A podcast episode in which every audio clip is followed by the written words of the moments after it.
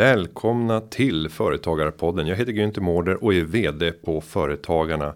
Vi befinner oss mitt i coronatider och många företag ställs inför stora prövningar.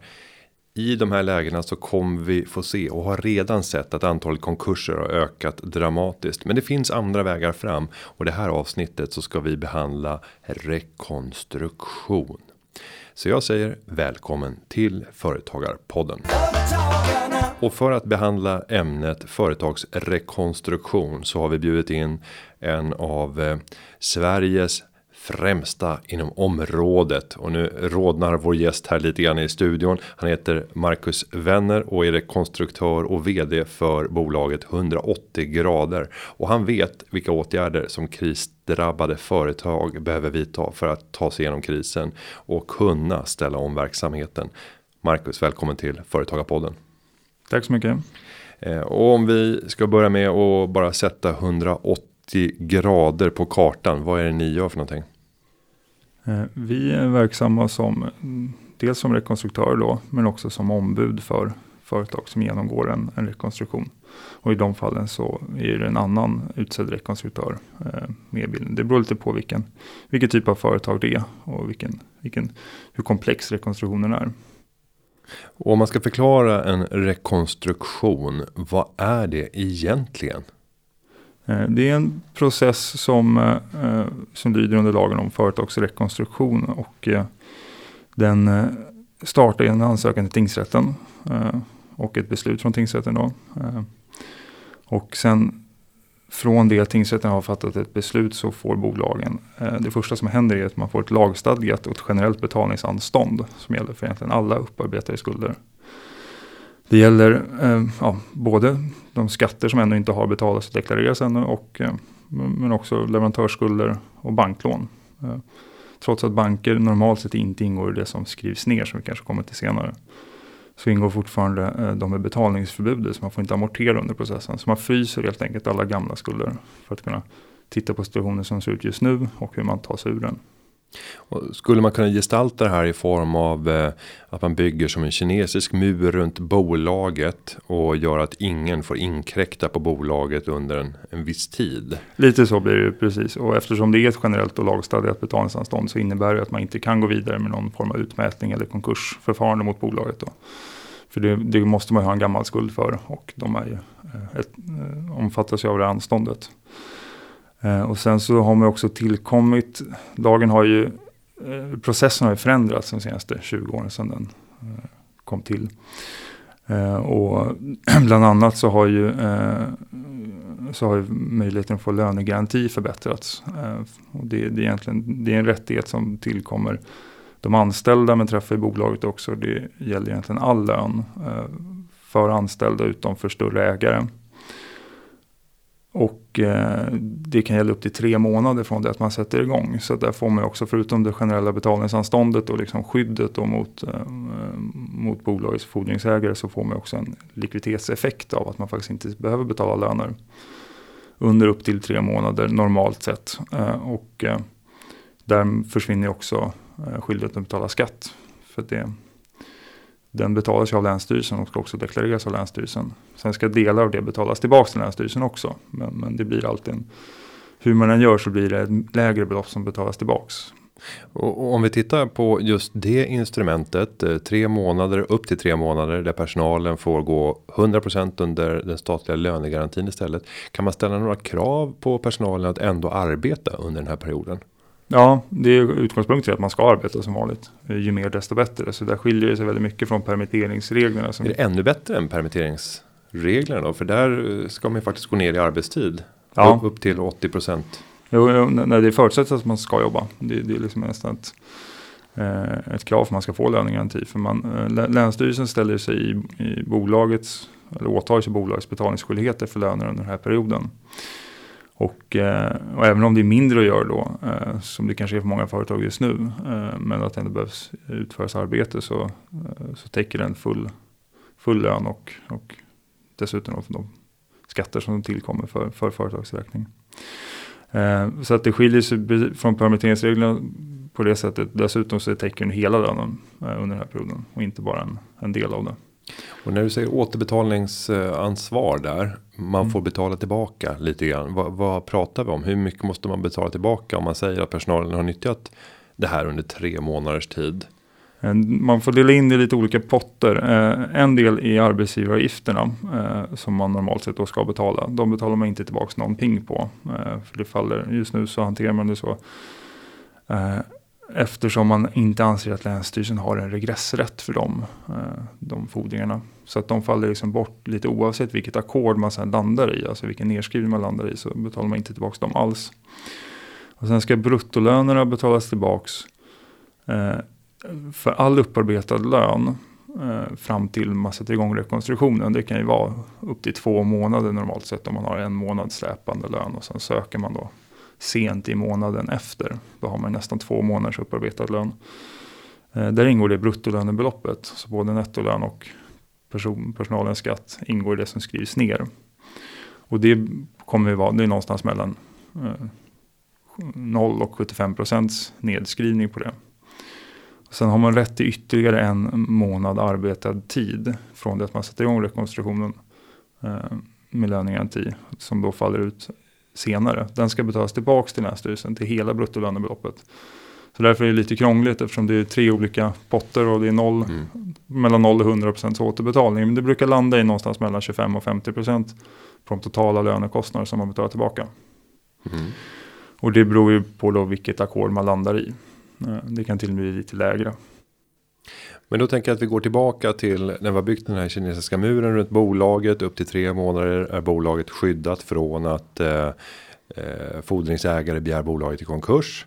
Och nu ska vi gå in i den här borgen och börja försöka mecka lite grann med, med affärsidén, med relationerna, titta på Ehm, hur avtal ser ut och vad som är hållbart att betala över tid och vad av skulderna man kan betala, vad man inte kan betala. Vad är det som händer in i den här borgen under den här perioden? Det som händer när man går in i den här borgen är att man behöver betala fullt för allt det som man köper in och upparbetar under rekonstruktionstiden. Så därför i princip så förutsätts ju att man har någon form av kassa och omsättning under rekonstruktionstiden. Så det blir väldigt svårt att hantera det, eh, en rekonstruktion om man varken har kassa eller intäkter alls under rekonstruktionstiden. Eh, och det är lite ett inbyggt eh, skydd mot att företag då som saknar förutsättningar att lyckas genomföra en rekonstruktion. För att, eh, I normala fall i varje fall så bör man ju ha, även om det kanske går dåligt och har gått dåligt, så har man ju någon form av eh, intäkter och kassa som man då eh, behöver finansiera rekonstruktionen med. Eh, och man behöver inte hantera fordringsägarna, de här som, jag, som jag hade skulder till, eh, som jag står på utsidan av borgen då och väntar, med mer än att man informerar dem och håller dem informerade under rekonstruktionstiden. Det är ju rekonstruktörens jobb eh, till stor del, men där är det också väldigt bra om man har en fungerande dialog för att de, alla personliga kontakter mellan leverantörer och företagens olika delar sitter ju hos företagarna och de ska ju troligtvis ha en relation i framtiden också. Så att där det bästa är för att om inte annat för att hålla nere kostnader i rekonstruktionen att det finns en parallell dialog. En som handlar om hur man hanterar den här gamla skulden eh, som ska ingå i ackordet och som det nu är betalningsanstånd på. Eh, och där är ju rekonstruktörens jobb att se till att den, den informationen går ut. Men eh, eh det bör kombineras då med, med, med personlig information från företaget. Det är ju så man gör den bästa rekonstruktionen när det båda fungerar. Och det brukar ju normalt sett alltid företagare vara intresserade av också. De vill inte släppa sina relationer helt och hållet eller kontakter med, med sina leverantörer eh, under rekonstruktionstiden. Eh, och sen så går man ju mot så snart som möjligt vill man ju eh, komma fram till någon form av ackord och överenskommelse med fordringsägarna. Är, man kan ju hålla på med rekonstruktionen upp till ett år. Det är som fyra perioder med tre månader per Eh, per sjok som man, som man genomför rekonstruktionen i. Men eh, normalt sett så vill man hålla det mellan tre och nio månader, kanske mellan tre och sex månader egentligen för att, för att företag ska kunna liksom eh, dels kunna gå vidare och känna det som att man faktiskt eh, kom framåt eh, och för att inte liksom tulla på, på tålamodet hos leverantörer och anställda. Och 12 månader är en ganska lång period att, att vara under rekonstruktion och man, man vill ju man vill också kunna, kunna ta steget och gå vidare. Och dessutom blir det återigen då en, ett sätt att hålla ner kostnader för rekonstruktionen. Att man faktiskt ser till att bli klar så snart som möjligt. Är det vanligt i en rekonstruktion att man också får in en ny ägarkonstellation? Ja, i bolaget? kanske inte i de flesta fall, men det är men ändå väldigt vanligt förekommande om det är en väldigt bra sak att, att göra. Det är ett bra läge. Det är bra både för rekonstruktionen, för det visar ju på för alla som är externa, alltså till exempel tingsrätten, Skatteverket och leverantörer, att det finns, det är som ett tydligt, eh, hyfsat sakligt tecken på att det här finns det någon, eh, någon livskraft i, eftersom det kommer in någon ny ägare under den här tiden. Eh, men det är också ett bra läge för en ny ägare att komma in i en verksamhet eftersom man har ju faktiskt man har en chans att få, eh, eh, få en ordentlig skuldnedskrivning upp till 75 procent. Så om man var intresserad av att gå in i en verksamhet innan, det är ofta så som det, som det blir aktuellt, att det har varit en ny ägare på väg in och sen händer någonting. Just nu så är det troligt kommer det vara corona som är anledningen då i, eh, under ganska lång tid framåt tror jag. Men, men, det kan hända saker annars också, någon form av driftstopp. Eh, och så börjar den här potentiella ägaren att vackla lite grann i, i sitt beslut att gå in. Eh, I det läget så blir rekonstruktionen till och med bättre än vad det var innan. Eftersom man kan komma, komma ut ur rekonstruktionen med, med, med i princip en rensad balansräkning. Mm. Om man sköter sitt betalningsåtagande som man ska. Och angående den här vad som händer under processen. Jag kan fortsätta lite där med, med vad som är att bli klar, för det kanske är lite luddigt egentligen. Det, I princip så avslutas det ju rekonstruktionen när man har nått överenskommelse med, med majoriteten av fordringsägarna. Det ska vara 60 eller 75 procent av de sammanlagda fordringsägarna. Eh, beroende på vilken, hur stor nedskrivning ska bli. Det. Och är det rekonstruktören som sköter de här förhandlingarna och sen är det företagaren på ena sidan och fordringsägarna på andra sidan eller hur, hur går det rent praktiskt till? Eh, man räknar fram ett, eh, ett ackordsförslag och det, gör, det blir rekonstruktören som skickar ut det till, till alla men informationen kommer från, från företag som genomför rekonstruktion förstås.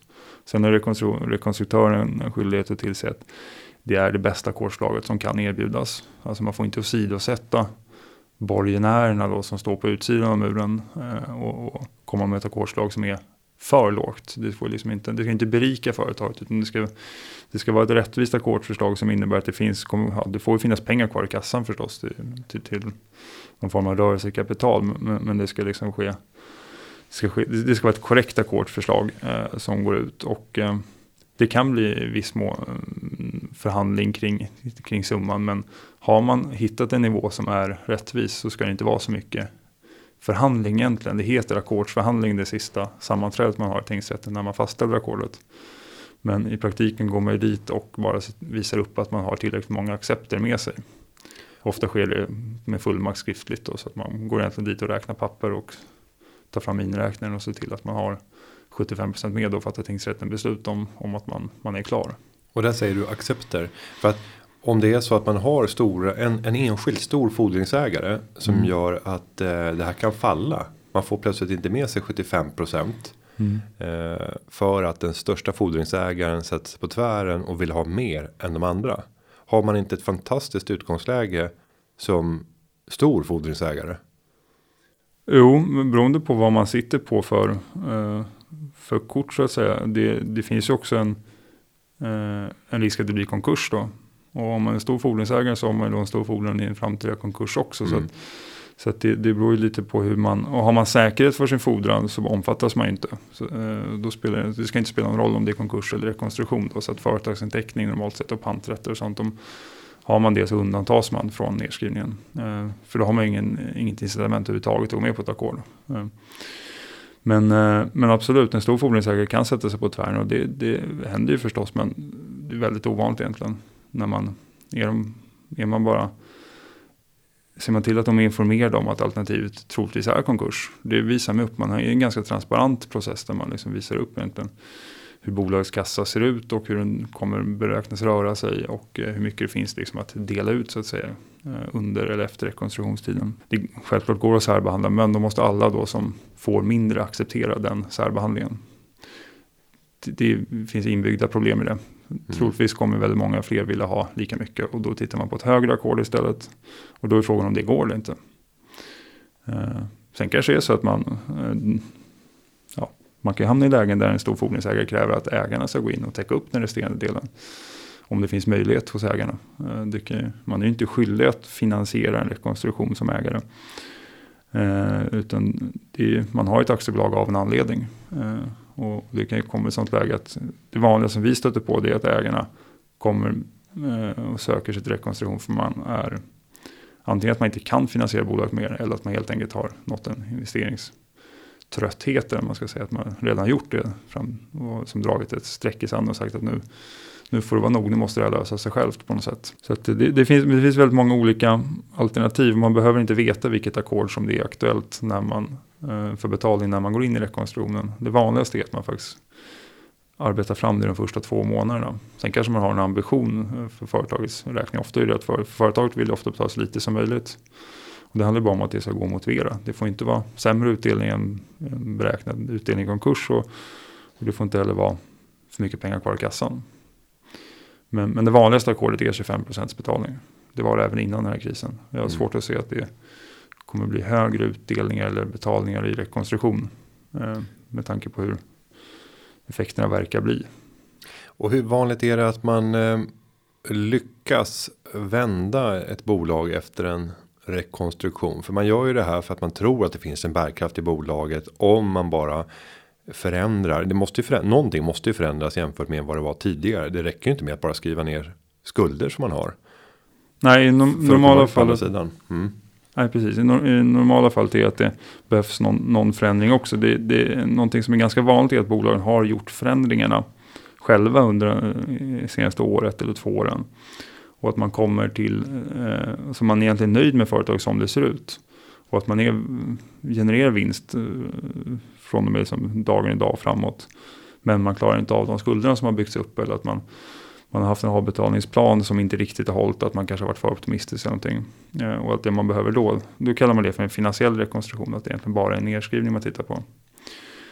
Eh, men även där kan det ju förstås kombineras med verksamhetsåtgärder också. Att man kalibrerar och kompletterar med någonting som inte gjordes under den här rekonstruktionen i sak som kanske skedde innan. När jag säger rekonstruktion i sak så menar jag att det är det man brukar kalla de verksamhetsåtgärder som man gör i företaget. Eh, men, de, men rekonstruktionen tjänar sitt syfte bäst när det både och sker under rekonstruktionstiden förstås. Det blir liksom den tryggaste, om det, inte är väldigt, om det inte är helt uppenbart att företaget har en, lönsamhet verksamhet, en lönsam verksamhet när man är i rekonstruktion och bara behöver nedskrivning för att, för att vara på andra sidan så är det också en trygghet för fordringsägarna. Att man ser att det sker någonting så att man inte hamnar i ett läge att det är rekonstruktion igen två år senare eller, eller i värsta fall en konkurs. Och, och nu sitter jag och funderar över vilka typer av bolag som det är högst sannolikhet att man kommer att kunna göra en rekonstruktion och i vilka branscher det är mer vanligt förekommande. Och min hypotes här nu då som jag får testa mot dig som expert. Det är att mycket personalintensiv verksamhet med obegränsad eh, balansräkning i termer av anläggningstillgångar. Där sker det ytterst sällan rekonstruktioner. Utan rekonstruktioner är mer vanligt förekommande där det finns större värden i balansräkning. Alltifrån eh, lager, det kanske behövs maskinell utrustning eller någonting annat i balansräkningen som är värde, värdefullt och centralt för att bedriva verksamheten. Att det är högre sannolikhet att det är ett sånt bolag. Mm. Stämmer min hypotes här?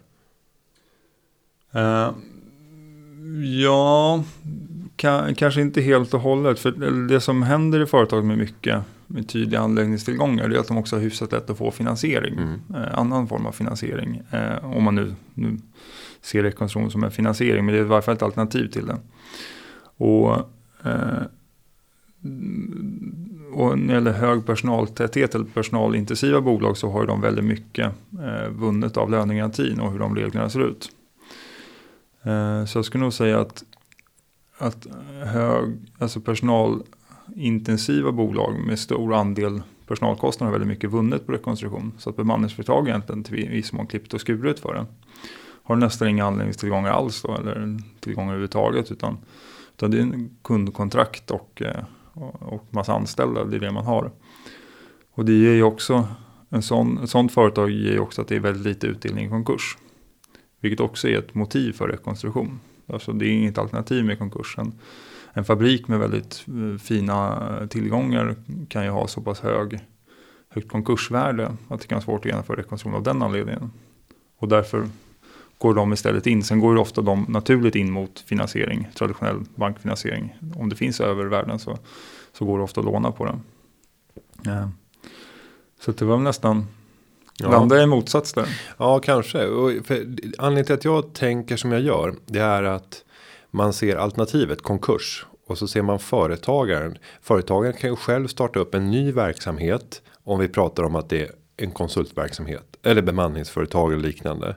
Så kan man ju samtidigt som man driver det här bolaget starta ett nytt bolag. Där man förklarar att här har vi ett välmående bolag som nu söker folk. Du som jobbar för mig i det här bolaget. Du är varmt välkommen att söka det här mm. företaget om du vill. Och sen successivt så börjar man ta alla nya mm. kontrakt i det nya bolaget.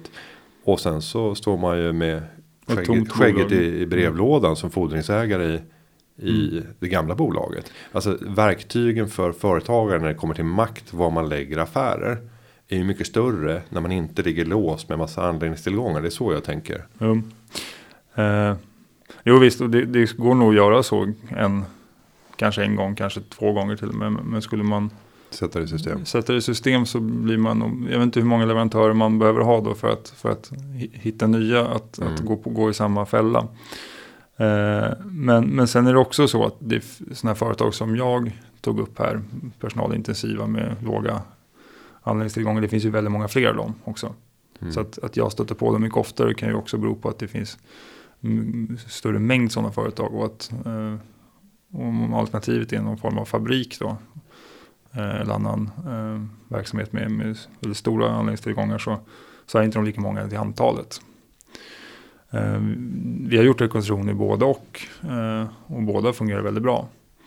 Det, är, det som är med, med bolag med höga andelstillgångar även om de gör rekonstruktion, är att de ofta ligger väldigt högt belånade gentemot banker. Och de skulderna ligger ju kvar. Så att förutsatt att de kostnaderna, de finansiella kostnaderna inte är för höga så går det ju bra. Men är, är det så att man ligger med, med räntor och andra kostnader som gör att det är svårt att hålla lönsamhet så kan rekonstruktion därför bli lite svårt. I det. Då får man ju titta på någon form av det man brukar göra då som vi gjort flera gånger det är att man, man tittar på nischa in sig. Man kanske inte behöver hela eh, sin maskinpark. Man kanske ska sikta in sig på den mest lönsamma delen, sälja bort eh, inventarier eh, och då betala ner banken. Det kan man ju då göra under, under konstruktionstiden. Säljer man en anläggningstillgång då som har en pant i sig eller något liknande. Då handlar det bara om att den kreditgivaren eh, blir betald eh, när den tillgången försvinner. Så. Då minskar man ner sina finansiella kostnader och så ligger man på en annan, förhoppningsvis en nivå där, där kostnaden är mycket lägre sett till bolagsmarginal. Ja. Ja, om, om vi nu tittar... Det är en typisk rekonstruktion i sak då som man gör under rekonstruktion. Att man kanske initialt går in och har som ambition att behålla hela sin verksamhet med att man inser att efter att ha räknat på det ett par gånger att det kan nog vara bättre att, eh, att rikta in sig till en viss del, eh, på en viss del i verksamheten. Sen är det också så att säga upp olönsamma kontrakt, eh, eh allt från hyreskontrakt till olika leasingkontrakt kan vara ganska bra att göra i rekonstruktion också. Det finns ingen uttrycklig sån regel i svensk eh, rätt som, som det finns vissa andra länder att man har rätt att bryta olönsamma avtal. Men däremot så kan man helt enkelt bara bryta mot dem och ta det, det vitet eller uppsägningsavgiften som kan komma i samband med det. Som till exempel nästan alltid blir i hyresavtal om man bara lämnar nyckeln och lämnar lokalen och meddelar att man nyttjar inte lokalen längre. Tänker inte betala någon mer hyra för den här. Eh, då får man istället en slutfaktura eller liknande från hyresvärden. Den ingår normalt sett i ackord, alltså det som skrivs ner. Så likviditetseffekten blir att man slipper betala det direkt när man slutar använda det. Och det blir nedskrivet. Eh, för att man anser att den skulden egentligen uppkom när man skrev på hyresavtalet, om man tar hyra som exempel. Och inte för varje månad som man inte nyttjar lokalen. Det ligger nyckeln i att man inte ska nyttja egendomen mer. Så länge man nyttjar den så måste man betala för en rekonstruktion. Så det, det finns väldigt mycket sånt att göra också under rekonstruktion. Som, som rekonstruktion som verktyg ger, öppnar upp som inte finns annars.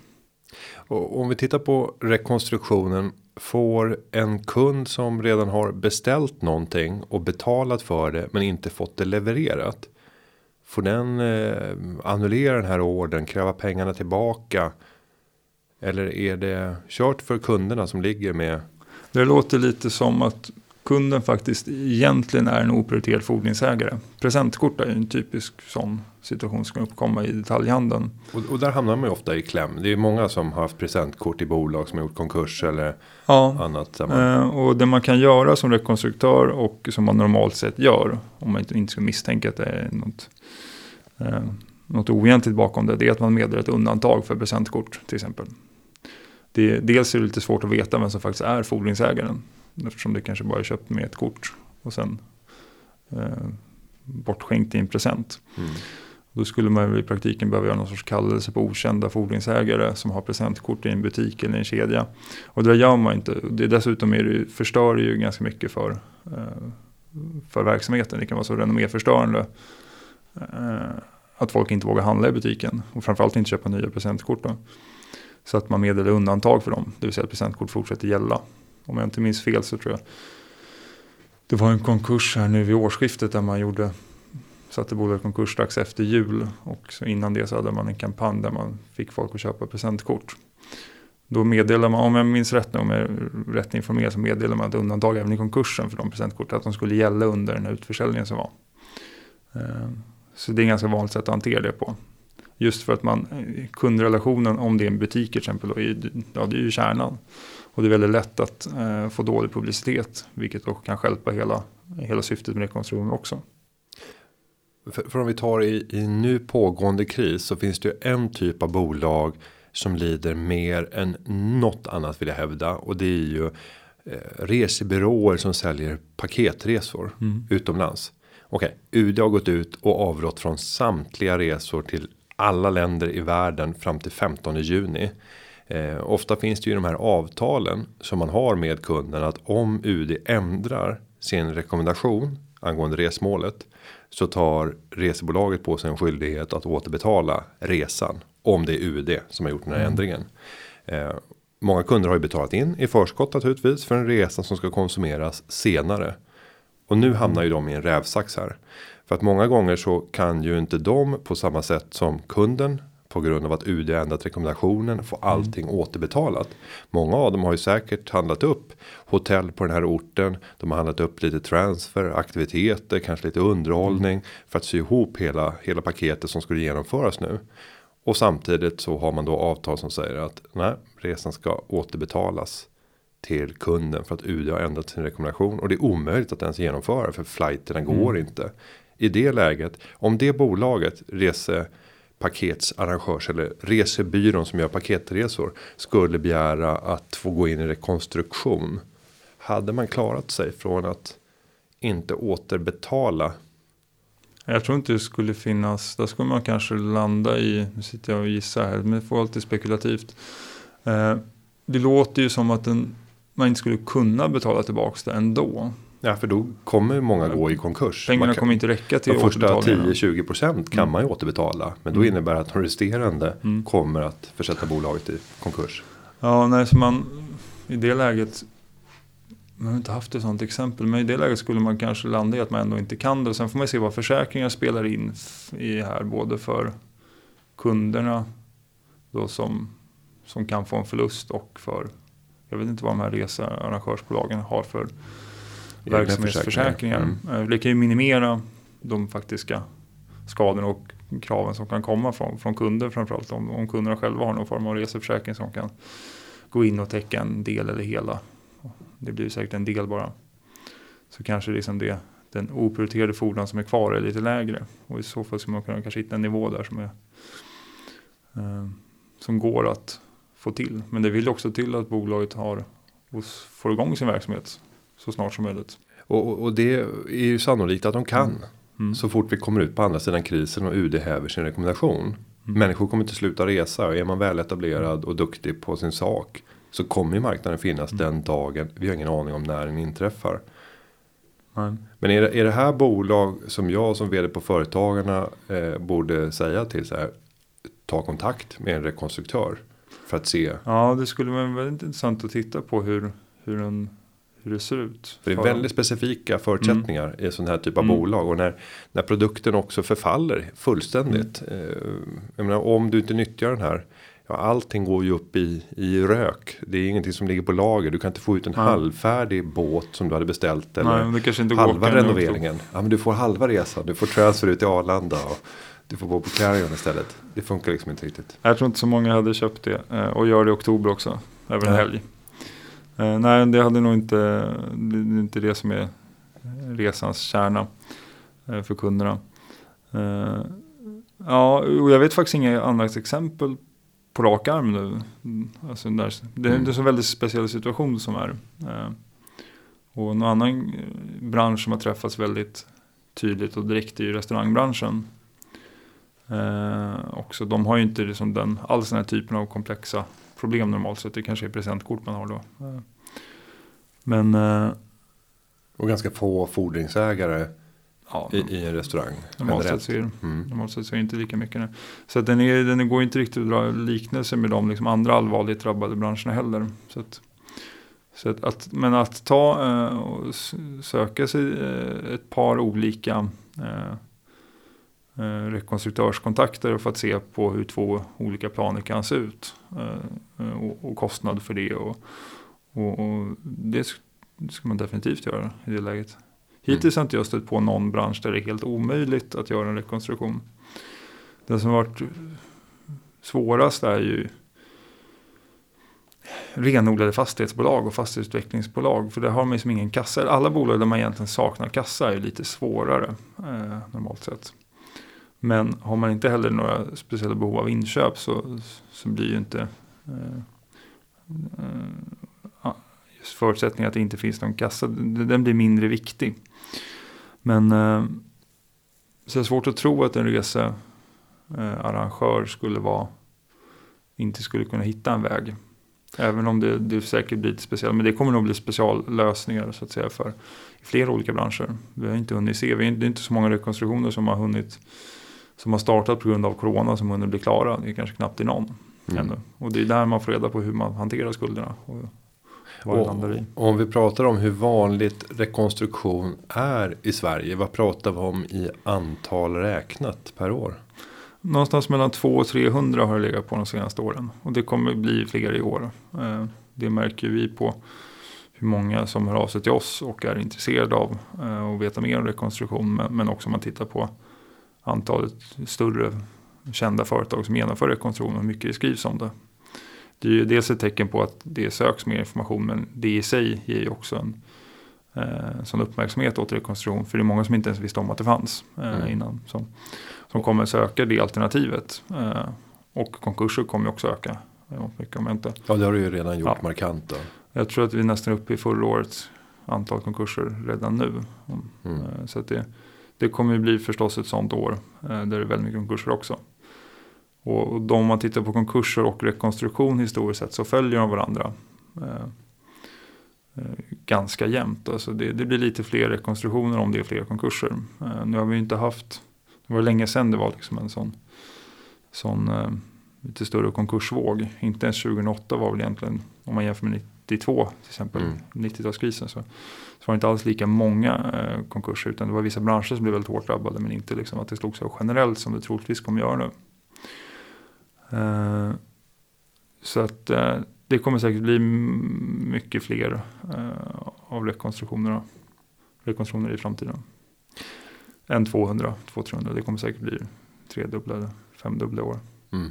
Hur många brukar ni på 180 grader hantera per år? Nor- normala de senaste åren när det har varit högkonjunktur. Det har varit någonstans mellan vi- det har varit vartannat år eh, nästan dubbelt så mycket som, som året innan. Men det beror på lite hur man räknar när de påbörjas och när de avslutas. Så. Eh, Men mellan, eh, mellan 40 och 70 ungefär. Då är det en rätt betydande del av, av marknaden för Ja, rekonstruktioner då, som ni gör. ja vi har väldigt, framförallt i inledningen eh, när vi startade så, så hade vi väldigt många små och medelstora företag. Det har vi fortfarande en stor andel av. Eh, och, det, och anledningen till det, det var inte att vi egentligen nischade in oss på, på små och medelstora företag. Utan det var ju de som egentligen var tillgängliga för att söka en aktör som inte är deras traditionella advokatbyrå. För att man kanske inte har en, en, en advokatbyrå som man alltid vänder sig till. I den mån företaget har en advokatbyrå som är deras fullservicebyrå. då, då söker man ju sig sällan ut på internet för att själv leta efter, leta efter en, eh, en samarbetspartner i rekonstruktion. Utan då frågar man ju sin advokat som i sin tur har sina kontakter.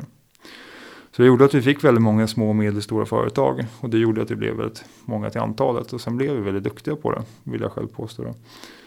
Och började jobba med företag som, som kanske de etablerade konkursförvaltarna och rekonstruktörerna. Det är ofta samma byråer eftersom det är samma lagar man utgår från.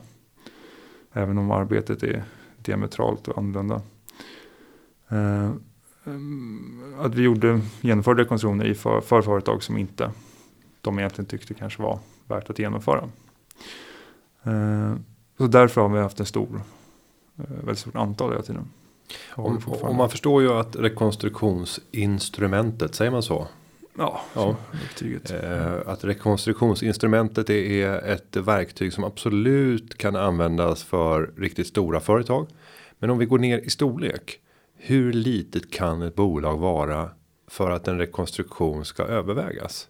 Om ni tittar på ner uppdrag, vad, vad är det minsta bolaget sett i lite olika perspektiv? Mm. Anställda, balansomslutning, omsättning. Eh, vi har genomfört rekonstruktioner för företag som, eh, som haft väldigt få anställda. Och, och i vissa fall eh, i princip ingen omsättning heller om det är någon form av eh, bolag som är eh, ett utvecklingsbolag eller liknande. Men generellt sett skulle jag säga att det bör ju vara åtminstone tio anställda för att man ska kunna känna sig trygg i att, eh, att de eh, likviditetsstärkande delarna som till exempel lönegarantin då är, eh, ger en sån effekt att man faktiskt eh, går runt.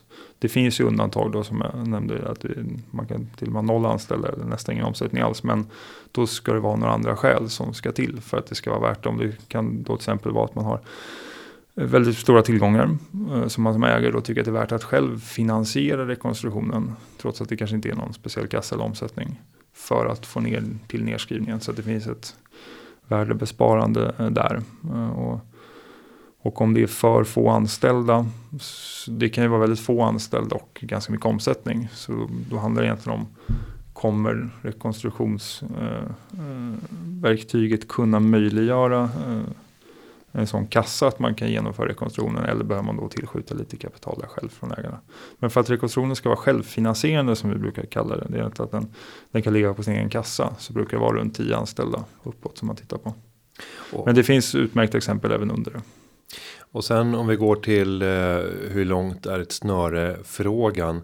Vad, vad kostar en rekonstruktion? Ja, det, om man liksom hittar den mest det blir en, vi, vi jobbar ju på timme som egentligen alla i branschen gör då. Så handlar det om hur många timmar, så frågan är egentligen hur många timmar behöver man lägga ner för att kunna genomföra mm. en rekonstruktion som rekonstruktör och ändå fullgöra alla sina eh, åtaganden. Eh, och det brukar landa i, i, i, även om företaget är med och har liksom allt i ordning och har en väl genomarbetad plan och liksom så pass inlästa på rekonstruktion att det i sig inte är ett moment som hela tiden måste genomföras. Och ofta att verksamheten är ganska liten för då blir det lätt att hitta vilka frågor det kommer vara och vilka frågor det faktiskt är.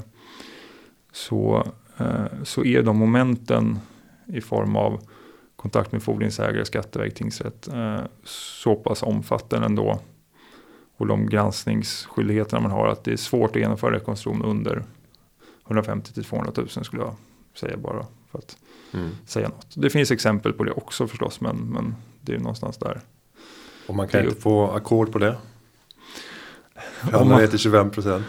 Om, eh, om vi då som rekonstruktör har tittat på det vi utfört innan beslutet om rekonstruktion ja, ska ju formellt sett då ja. eh, eh egentligen ingå i ackordet. Så att om man då inte har varit noggrann med, med, med förskott för de betalningarna eller still att de betalas innan eh, man sätter igång så, så visst. Men, men generellt så, så gäller att alla nya uppstartade affärer under pågående rekonstruktion. De har högre prioritet när det gäller eh, fordran. Vad man får betala. Ja. Ja, det, är egentligen, det har egentligen inte med prioritetsordningen att göra utan bara att de upparbetas efter det att man satte igång rekonstruktionen. Mm. Eh, för då är det inte en sån gammal skuld som omfattas av ackord utan den upparbetas hela tiden och ska då betalas. Mm. Så att en hyra till exempel, eh, om man inte har betalt hyran mitt i månaden, nu ska vi inte sätta det här i coronasituationen för då verkar det komma lite andra. Men, men normalt sett, eller vilken annan kostnad som helst som är månadsvis om man söker mitt i en månad och den inte är betald. Då ingår inte hela fakturan i, eh, i det som skrivs ner utan egentligen är det bara då ena halvan, den som avser tiden innan rekonstruktion. Uh, och det är sådär man tittar på, det är, sådär, det är därför lönegarantin får olika potter eftersom den är upparbetade den inarbetade tiden hos uh, i, i den anställdes lön uh, som då kan vara uppåt en och en halv månad någonting när man ansöker om rekonstruktion. Den omfattas ju av ackord. Och den andra halvan, man har fortfarande rätt till lönegaranti ytterligare en månad arbetad tid. Men den upparbetas ju under rekonstruktionen. Så att i det fall personalen faktiskt jobbar och inte är uppsagd eller någonting så Eh, så ska den betalas tillbaka till Länsstyrelsen. Mm. Men dock utan då arbetsgivaravgifterna. Så att det ja. Om man får kalla det för någon form av lönerabatt så är det ju det i praktiken. Och blir personen uppsagd, där får man ju titta tillbaka på det här som vi nämnde lite med, med, med kontrakt, olönsamma kontrakt som man har. Om man då har en, en anställd som man säger upp så fungerar eh, vad som skrivs ner och inte på samma sätt som, eh, som exempel ett hyreskontrakt. Så att gör man uppsägning av, av anställd, det, det är ganska många som behöver det nu också, även om verksamheten är kvar så kan det vara så att man i varje fall tills vidare nu behöver minska sin personalstyrka för att sen titta på återanställda i framtiden. Då. Men säger man upp personal eh, och arbetsbefriar dem, då anses de inte upparbeta uppsägningslönen under rekonstruktionstiden. Utan då, då anses den ha uppkommit när man skrev på anställningsavtalet en gång i tiden. Så den lönegarantin eh, ingår också i ackordet. Så det gör att man faktiskt kan få eh, lite mer så att säga, stöd när det gäller eh, lönerna. Om det är så att man också säger upp personal. Vilket verkar vara fallet att många gör. Alltså det förefaller ju rimligt att man åtminstone säger upp delar av sin personalstyrka i de här lägena. Men om vi nu som företagare står eh, mitt uppe i den kris som nu pågår och konkurs rycker allt närmare. Men jag ser att jag har en kassa. Jag ser att det finns en bärkraft i det här företaget. Vilka, om vi ska summera eh, särdrag hos det här företaget bör finnas för att man ska gå och titta närmare på rekonstruktionsinstrumentet. Eh, det är framför allt att man faktiskt ser att man, att man har en vändning inom, inom synhåll eller att man redan är där. Eh, det vanligaste fallet som jag utgår från, eh, som jag nämnde tidigare med, med att företaget, ett väldigt vanligt fall, att företaget har gjort sin, sin, åt, sin, alla sina åtgärder och egentligen är lönsamma. Om man bara skulle få bortse från skulden, och det är ett exempel som vi brukar liksom ha eh, till företag som vi pratar med. Eh, när de själva försöker lista ut om de bör göra rekonstruktion eller inte. Det är att om man bara skulle kunna få bortse, eh, om så tillfälligt för alla upparbetade skulder, allt som ni har bakåt i tiden, och titta framåt, hade ni klarat det då? Så det som kommer in från med morgon och det som ska betalas, som hänför sig till morgon och framåt, går det ihop? Det är ett, ett enkelt sätt att Rörelseresultatet är, är positivt men ja, nettoresultatet är negativt. Precis. Ja. Och, och, är det ja på den frågan eller att det till och med är så att det kommer inom kort. För just nu så blir det då troligtvis så att nej, just imorgon så är det nog fortfarande inte positivt. Men det kanske är det i september. Det kanske är det i juli eller när nu saker och ting återgår till det normala. Då, då har man eh, anledning att ansöka om rekonstruktion. Det kommer vara svårt att veta eh, för många, till exempel restauranger. N när kommer folk egentligen börja är det, kommer folk få panik eh, av att sitta hemma och börja gå ut redan i slutet på april? och äta på restaurang som vanligt. Sen kommer säkert vissa restriktioner att hållas kvar längre, alltså som att man inte får stå upp och trängas i baren och så vidare. Men det kan fortfarande vara så att det går att ställa om så att man kan ha eh, så pass mycket restaurangservering att, att man går plus. Och det, det, kan ju vara så att det bara är en vecka kvar tills det nästa är normalt igen. Det kan också vara så att det är fram till september. Det, det, där finns en stor osäkerhet och det, som det har varit hittills med de rekonstruktioner vi har startat sedan det här började så har det funnits en förståelse både hos, hos tingsrätten och också hos Skatteverket för att man inte kan uttala sig i den frågan. Eh, och Skatteverket eh, har ju en, en, ganska viktig roll i rekonstruktion för dem. Dels är de ju i princip alltid med som fordringsägare för att det all, all form av skatt som man deklarerar och betalar släpar ju lite grann. Så det blir alltid en liten skatteskuld hur man än gör. Eh, de svarar också för Länsstyrelsens lönegarantiutbetalningar också som, som en del av statens fordran. Så, att, så de är alltid med och även om det är noll så är de med. För att ja, det är deras rutin att, mm. att vara med.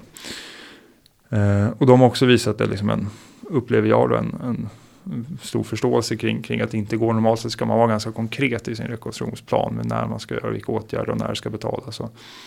Eh, men i de här eh, fallen där man just nu är under den här eh, effekten som corona är så har de inte en position där, där de faktiskt anpassar sig lite till det som regeringen, om man skulle lyssna på andemeningen i, i, i vad regeringen vill att göra med, med företagen är ju att hjälpa dem. Och där tycker jag att Skatteverket och borgenärssektionerna har tagit en, en väl avvägd position.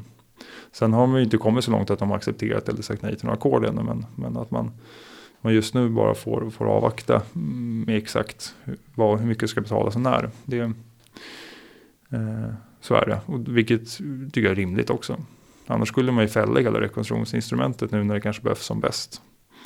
Det är ju skapat från, det är ju skapat den här lagen som är nu är ju eh, skapad efter 90-talskrisen just för att hindra eh, och försöka eh, begränsa effekten av konkursvågor. Så att istället för det som händer ju om, istället för att eh, det bara blir konkursvågor när det blir sådana här stopp i maskineriet så kan det istället och tanken var att det istället skulle kunna vara rekonstruktionsvågor. Som blir förstås, det blir lite förlust där också förstås men det blir begränsad förlust eftersom man fortsätter handla med varandra.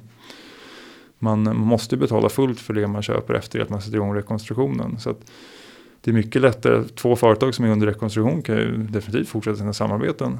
Då blir det ganska rättvist. Det blir liksom, mm. Man stoppar det i flera led och sen så kan man då under ett års tid till och med just, eh, av, om den här krisen skulle pågå skulle det kunna bli, nu blir någon sorts makroperspektiv här, men hela Sverige skulle egentligen kunna göra någon sorts enorm rekonstruktion av alla företag. Det vill säga att alla gamla skulder pausas och så köper man fullpris av varandra just nu och sen så får man se helt enkelt vad, vad det är man ska betala när allting lugnar ner sig. Och då kommer vi till det som det har talats om som ett moratorie. Mm. Lite grann? Där man mm. eh, bygger en mur kring bolagen och säger att ingen får försätta de här bolagen i ja. i konkurs. Men nu kanske vi blir lite för tekniska. Och... Alltså moratorieackord är det egentligen som man brukar beteckna när man betalar tillbaka fullt. Mm. Uh, och för, just för att det är ett anstånd, ett moratorium. Uh, och det är, det, alla rekonstruktioner är ju alltid ett anstånd till att börja med. Men sen man då också gör ett moratorieackord så, så innebär det att man betalar tillbaka fullt till alla det. Men senare. Men senare, precis. Och utan arbetsgivaravgifter för lönerna. Mm. Uh, men det är egentligen ganska ovanligt. Det, det förekommer ibland. Det blir en väldigt enkel rekonstruktion. Det är väldigt lätt att säga ja till för Skatteverket och övriga fordringsägare mm. också. Det vill ju bara till att man har så pass mycket anställda egentligen att, det, att man klarar de extra kostnaderna för rekonstruktion. Och, och lite enkelt där skulle det helt enkelt kunna pareras mot löpande intäkter, vinst eller, eller mot arbetsgivaravgiftsbesparingen. Eh, men, eh, men precis, det blir ju skulle man hålla på med alla rekonstruktioner från och med nu och framåt i ett år och bara vänta då, då blir det någon sorts ett års moratorium i varje fall. Mm. Ett års anstånd och så får man se liksom var man landar. Förhoppningsvis vet man ju var man landar redan någon gång under eller efter sommaren. Och, så vidare. Inte. och även om det skulle komma en till våg av smitta så kanske vi har lite erfarenheter från första vågen. Nu i, i podden har vi fått vara rätt generella i våra kommentarer för vi har inget specifikt fall som vi pratar om. Mm. Men om jag nu som företagare har hört det här avsnittet där jag har hört enskilda delar som jag tycker låter spännande för min verksamhets vidkommande. Om jag vill gå och läsa på mer innan jag eh, tar kontakt för att vara lite bättre påläst. Vad är de bästa platserna för att hämta information om rekonstruktioner? Det finns inte så. Jag skulle förstås vilja hänvisa till vår egen hemsida. Eh, där finns vi, vi har ju nästan bara information om rekonstruktion eh, och olika former av lönsamhetsarbete under rekonstruktion.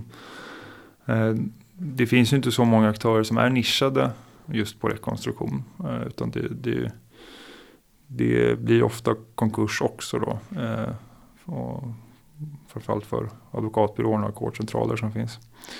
Eh, men Kronofogden har faktiskt en del information om rekonstruktion. Eh, inte jättemycket men, men det finns en del information där. Och ja, annars. Mm. Vår hemsida och Kronofogden.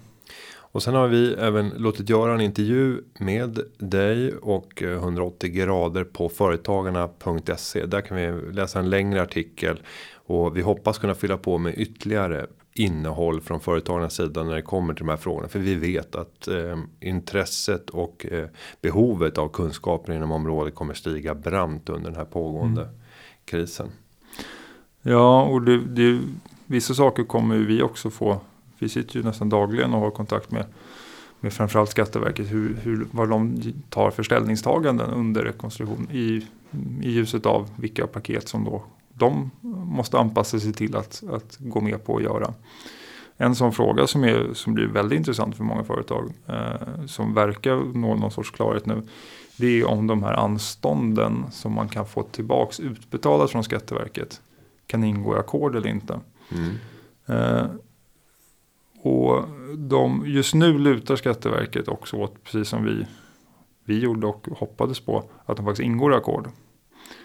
Eh, eventuellt även också om de utbetalas under rekonstruktionen. För att det beror lite på hur, hur, man ser vad det är för någonting egentligen. Det kanske blir tekniskt igen här, men om man då får en utbetalning under rekonstruktion från någonstans ifrån så är det ju det normala fall, hade det varit en bank som hade lånat in pengar då skulle den betalas ut eh, till fullo på något sätt. Det blir till och med ofta en superförmånsrätt som det heter. Det vill säga att den här är inte en gammal skuld, den kommer nu under rekonstruktionen så den ska liksom inte ingå i ackordet. Men om det man får tillbaka från Skatteverket är gammal skatt, inbetald skatt. Eh, då är ju det, eller då går det att betrakta som en gammal skuld och det verkar vara lite det man landar i just nu. Man skulle kunna göra en liknelse i att om man hade gjort en felaktig rättelse av moms arbetsgivaravgift som man då får utbetalt under rekonstruktionen. Och sen visar det sig att det där visst var en skuld. Eller om man får utbetalt innan rekonstruktionen också. Så visar det sig att det där visst var en skuld. Då skulle det ingått i ackordet. Så det är väl ungefär en analogi med det som, som Skatteverket har landat i. Men senast i förra veckan så så fick jag beskedet att Skatteverket lutar åt att det är så. De behandlar det så just nu men deras egen rättsavdelning har inte kommit med sitt ställningstagande ännu. Och även när de gör det så är inte det gällande rätt för det utan det kan nog faktiskt bli lite eh, förvaltningsdomstolar som får titta på det också och se vart man, vart man landar i den frågan. Eh, men andra former av anstånd ingår definitivt i rekonstruktion och blir det utbetalt om man då söker anståndet nu till exempel. Nu är vi lite inne på hur det här kombineras. Eh, befintliga stödpaketen med rekonstruktion. Men det som tydligaste effekten blir just de här Skatteverket-paketen. Och blir det utbetalt om man söker anståndet och får det utbetalt innan man sätter igång en rekonstruktion. Då talar egentligen allt för skulle jag säga att det ingår i det som blir ett ackord. Det kommer leda till att Skatteverket får en stor andel i många fall därför då. Eh, förutom då lönegaranti, normal skatt som förfaller så har man dessutom då kanske två, tre månader med gammal skatt som också kommer eh, ligga med i, eh, i ackordet. Eh, vilket gör att Skatteverket faktiskt kan få en någon sorts nästan vetorätt i väldigt många rekonstruktioner framöver. Så att vi, vi får hoppas att de har kvar sitt eh, konstruktiva sätt att se på, eh, på de skulderna och företag som genomför rekonstruktion. Eh, men de andra, det finns annan typ av anstånd som egentligen att man slipper betala in i skatten kan man också söka. De ingår ju också naturligtvis i, i ackordet för då upparbetas ju, det blir bara längre tid där man, eh, där man har ej inbetald skatt och den, den här för sig tillbaka i tiden. Eh, just nu går det inte att kombinera rekonstruktion med eh, permitteringsreglerna.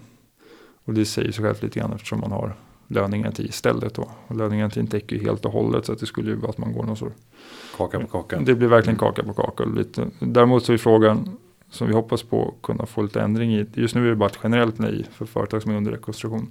Men när man, om man håller på med rekonstruktioner i sex månader så är det bara de tre första månaderna som påverkas av lönegarantieffekterna normalt sett. Ibland bara två månader till och med. Eh, därefter ska företaget betala de lönerna för de anställda som är kvar. Om man är i ett permitteringsbehov eller har en permitteringsmöjlighet då, så tycker vi att man borde kunna få Nyttja det verktyget. Permittera under rekonstruktion också. Andra alternativet är att man bara måste avsluta rekonstruktionen väldigt snabbt. Vilket mm. inte är fel i sig men av, ibland kanske det inte går. Mm. Och då är det bara en, som en teknisk anledning till att man inte får permitteringsstöd. Ehm.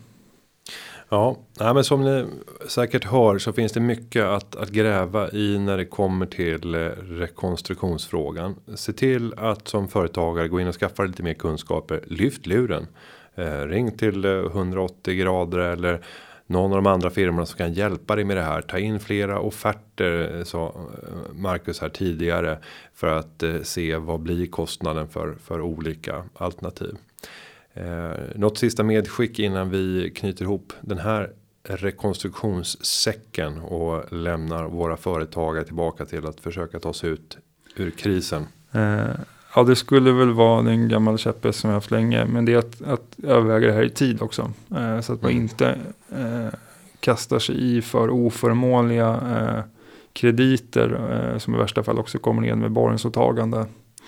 Eller annat. Så att man, man tittar på det egentligen i, i, istället för istället för ja, det första, det första lånet du tänker ta. Mm. Eller istället för att sälja fakturor eller vad det nu kan vara. Så att sök det i tid. Ju förr desto bättre. Det kostar för det mesta ingenting att få bara få lite information och uppgifter om, om vad man kan göra. Vi tar i alla fall inte betalt för ett sånt samtal. Så att det, det är verkligen bara att lyfta luren.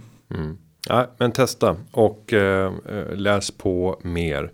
Eh, jag hoppas att det här avsnittet kan komma att rädda ett antal företag från eh, det värsta tänkbara och det är ju konkursen. Så med det Marcus Wenner, stort tack för att du kom till Företagarpodden. Och jag ska också säga att du som lyssnar, gå in på företagarna.se för att finna mer information. Dagens avsnitt har förberetts av David Hagen och klippningen den är gjord av Petra Chu. Vi hörs igen nästa vecka. Ha det så gott. Företagarna, ja, ja, ja, ja, ja, ja. Företagarna, ja, ja, ja, ja, ja, ja.